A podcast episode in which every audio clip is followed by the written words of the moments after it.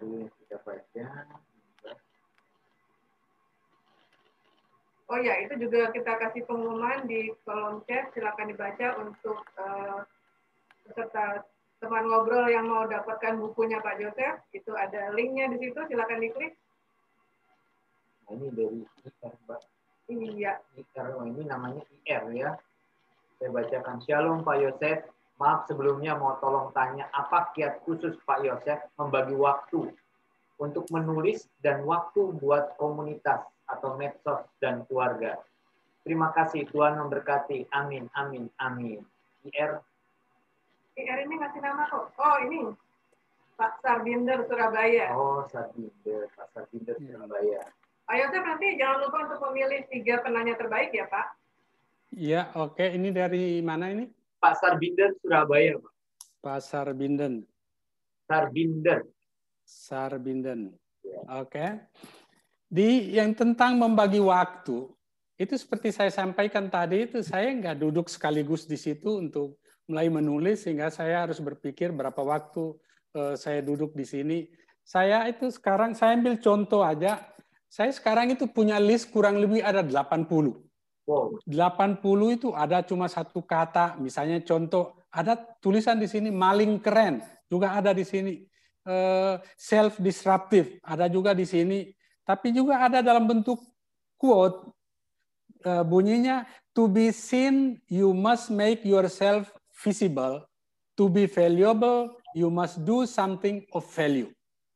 Saya rasanya menarik, saya tulis saja tapi bagaimana membuatnya itu menjadi menjadi sebuah artikel? Nanti. Jadi kadang-kadang begitu saya search di Google ada satu artikel tertentu saya lihat wah ini kayaknya berkaitan dengan quote yang pernah saya tulis itu. Atau berkaitan dengan eh, judul yang pernah ada di daftar saya itu. Lalu saya kembangkan untuk menjadi sebuah artikel. Jadi kata lalu menjadi kalimat bisa saja sesudahnya itu cuma menjadi satu paragraf ya lalu belakangan uh, akan menjadi uh, sebuah artikel. Jadi itu proses saya menulis seperti itu. Jadi saya free bisa nulis pagi, bisa nulis habis makan siang, bisa nulis sore, atau bahkan di dalam mobil saya cek saya punya list ini, saya bisa kembangkan tulisan tadi menjadi satu kalimat yang belum tentu menjadi satu artikel saat itu juga, mungkin belakangan sebulan kemudian. Jadi itu cara saya menulis seperti itu. Ya. Jadi kata maupun quotes tadi bisa nemu di mana aja ya Pak ya? Di mana aja dan kapan aja. Oh. Intinya dicatat berarti ya Pak ya? Saya catat. Kita catat gitu ya Pak ya? Saya catat supaya nggak lupa. Itu catatnya pakai notes begini atau di HP tuh Pak? Enggak, di, di HP atau di iPad. Ini di iPad saya, saya selalu siap. Jadi ada di notes-nya itu saya tulisin saya malu juga nih Mbak Mandas ini masih pakai notes Pak. Ya, iya, pakai, saya pakai saya pakai notes juga sama. Oh, pakai juga Pak. Tapi notes malu, di ya?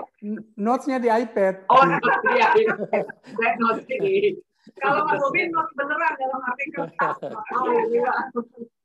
Oke, itu tadi idenya ketemu di mana aja catat gitu. Ya, catat, ya. Tapi ini ada juga pertanyaan menarik nih Pak nih. Dari, Dari siapa Mbak? Meliana. Meliana Meliana ya. Katanya, terima kasih untuk sharingnya. Saat ini Bu Melena ini bekerja sebagai dosen di Jawa Tengah. Sebetulnya saya punya banyak bahan untuk menulis, tapi kenyataannya waktu habis untuk tugas-tugas lain. Nah, sambil tersenyum ini atau pakai cengiran ini Bu Melena bilang, I need motivation Pak. Gitu. Gimana masukannya untuk situasi seperti Bu Meliana, Meliana ini? Terima kasih katanya. Mungkin kita kaitkan yang penanya pertama tadi itu tentang uh, bagaimana memantik motivasi ini untuk untuk bisa menulis. Yang pertama saya melihat ada satu yang dorongan kuat dari saya itu itu adalah keinginan untuk berbagi. Karena kalau saya cuma berbagi di sosial media barangkali cuma satu dua kalimat aja, tetapi mungkin minggu depan mereka juga udah lupa. Ya, tetapi ada forum lain yang bisa membuat mereka itu ingat apa yang saya bagikan itu. Ya, jadi Bu Meliana ini bukan satu konsep yang yang luar biasa, sederhana aja. Nomor satu kita niatkan, ya kita niatkan. Dan saya juga, saya ini seorang coach juga, ya. Jadi kalau mau untuk itu pun juga Bu Meliana, saya akan pandu melalui coaching. bagaimana untuk bisa membangun motivasi itu untuk bisa mulai menulis. Karena hanya dengan cara seperti itu kita akan bisa eh, secara konsisten melakukan sesuatu. Dan itu adanya di buku ketiga yang tentang meaning maker. Jadi kalau kita nggak menemukan apa makna di balik apa yang kita kerjakan itu, kita nggak akan dapatkan motivasi tertinggi. Ya, apalagi kalau Ibu Meliana mau nulis sesuatu yang bermanfaat buat muridnya, itu bukan sekedar sesuatu yang dituliskan di situ, tetapi yang terpikir oleh Bu Meliana itu adalah bagaimana saya bisa memberikan inspirasi yang lebih dalam kepada para murid saya untuk mau membaca dan mau belajar ya dengan cara menulis di buku ini. Masalah bagi waktunya gimana Pak? Apa tergantung apa yang penting punya motivasi dulu Pak? Kalau motivasi itu itu udah ada di lalu tentang bagi waktu sering kali kita cuma mikir terlalu besar. Saya cuma mikir pada waktu saya nulis skripsi ya skripsi di sarjana dulu itu aduh saya lihat orang-orang skripsinya bisa 100 halaman ya. Lama banget dan waktu zaman saya itu masih mesin ketik yang yang ketak-ketik ketak-ketik itu bukan mesin ketik listrik. Saya waktu itu membuat target sangat sederhana. Kalau seandainya saya nulis satu hari satu halaman, itu kan artinya 100 halaman 100 hari selesai, tiga bulan. Jadi saya lalu waktu itu buat target paling tidak tiga halaman saya nulis satu hari, dengan demikian dalam satu bulan saya bisa selesaikan itu. Dan memang benar selesai. Hmm. Ya, ya. Jadi target untuk pembagian waktu ya Pak ya. Karena target. juga kita harus kita semua di seluruh dunia kan cuma dikasih oleh Tuhan 24 jam ya. Persis. Jadi bagaimana kita membagi waktu. Nah, Bu Meliana, tadi yang disampaikan oleh Pak Yosef, selain bukunya yang pertama ini, kisah RT 10.000 yang mengubah hidupku, itu juga ada dua hal dua buku yang lain dan tadi yang ini buku buku yang ketiga ini yang curhat ya Pak ya. Buku ketiga yang uh, meaning maker. Meaning maker. Nah, ini yang tadi disampaikan oleh Pak uh, Yosef di meaning maker yang disampaikannya. Nah, Anda bisa mendapatkan uh, motivasi ataupun bagaimana uh, niat untuk berbagi sehingga uh, Anda akhirnya terdorong untuk menulis seperti Pak Yosef.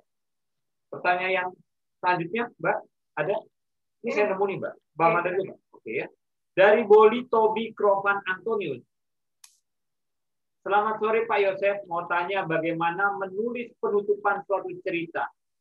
Saya sering kesulitan untuk menulis menuliskan penutup cerita sehingga tulisan menjadi ngalor ngidul berkepanjangan. Terima kasih Pak Yosef. Boli Tobi Krovan Antonius. Baik, terima kasih. Ini pertanyaannya um, itu sangat bagus karena um, kita semua mengalami itu.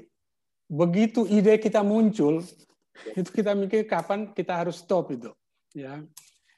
Di akhir, bagian akhir, jangan pernah memasukkan sesuatu yang baru yang tidak ada di dalam tulisan sebelumnya. Kalau bisa yang akhir itu justru bagian yang kita harapkan orang-orang itu akan ingat. Orang-orang itu akan selalu melihat sebagai inti dari apa yang kita tuliskan.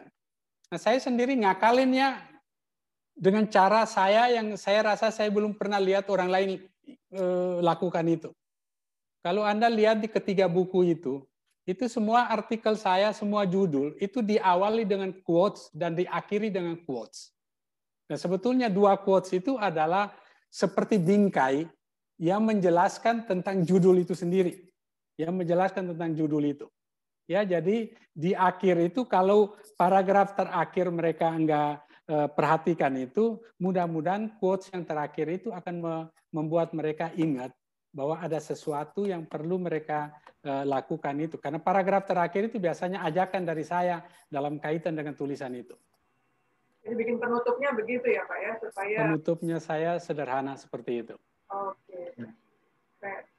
Ini ada pertanyaan lagi Pak dari Stella Maris Elizabeth. Katanya dengan perkembangan teknologi seperti sekarang ini ada begitu banyak tulisan di internet dengan berbagai topik. Bagaimana caranya agar tulisan saya bisa berbeda dalam tanda kurung dia bilang lebih menarik dari yang lainnya meskipun topiknya mungkin sudah pernah ada di internet. Apa saja faktor yang perlu diperhatikan untuk membuat tulisan yang baik dan menarik bagi pembaca? Gitu Pak Yosef. Wah, apa kabar Stella Maris? Ini Stella Maris ini lagi duduk di Malaysia loh. Iya, Bu. Yang Luar di, biasa. ini, ini luar biasa. Terima kasih waktunya. Em, pada waktu kita nulis, ya salah satu yang terlintas di pikiran kita itu adalah ini sebetulnya target grupnya siapa sih? Siapa yang akan membaca, siapa yang akan mengambil manfaat dari tulisan kita itu. Dengan demikian, nomor satu kontennya kita akan eh, sesuaikan, tetapi juga sarananya di mana kita naruh itu juga eh, akan sangat menentukan apakah itu juga akan saya tulisnya di Twitter, apakah itu saya akan nulisnya di Facebook atau di LinkedIn atau di Instagram atau di blog. Banyak yang sekarang itu dengan vlog itu loh mereka tinggalin blog gitu ya. Tetapi saya sendiri masih konsisten untuk mengisi eh, blog saya. Saat ini sudah sudah ada 763 artikel sejak saya launch di tanggal 11 bulan 11 tahun 11. Dan saya tahu persis siapa target grup saya. Dengan demikian eh, saya akan selalu menulis untuk mereka-mereka itu, tetapi juga banyak yang saya sajikan untuk konsumsi umum para leader, para milenial, para pekerja, sehingga mereka kalau masuk lalu membaca itu eh, mereka akan mengambil manfaat. Ya, jadi eh, Stella ini eh, nomor satu kontennya itu kita sebetulnya eh, targetkan untuk siapa, lalu ini kita mau tuliskan di mana gitu. Jadi benar bahwa dengan teknologi internet itu akan dengan mudah mereka cari. Begitu sekali mereka suka dengan tulisannya Stella Maris, mereka tinggal Google aja nama itu, itu akan keluar banyak dan mereka akan bisa bisa menyimak tulisan-tulisan. Ya, itu Baik. aja.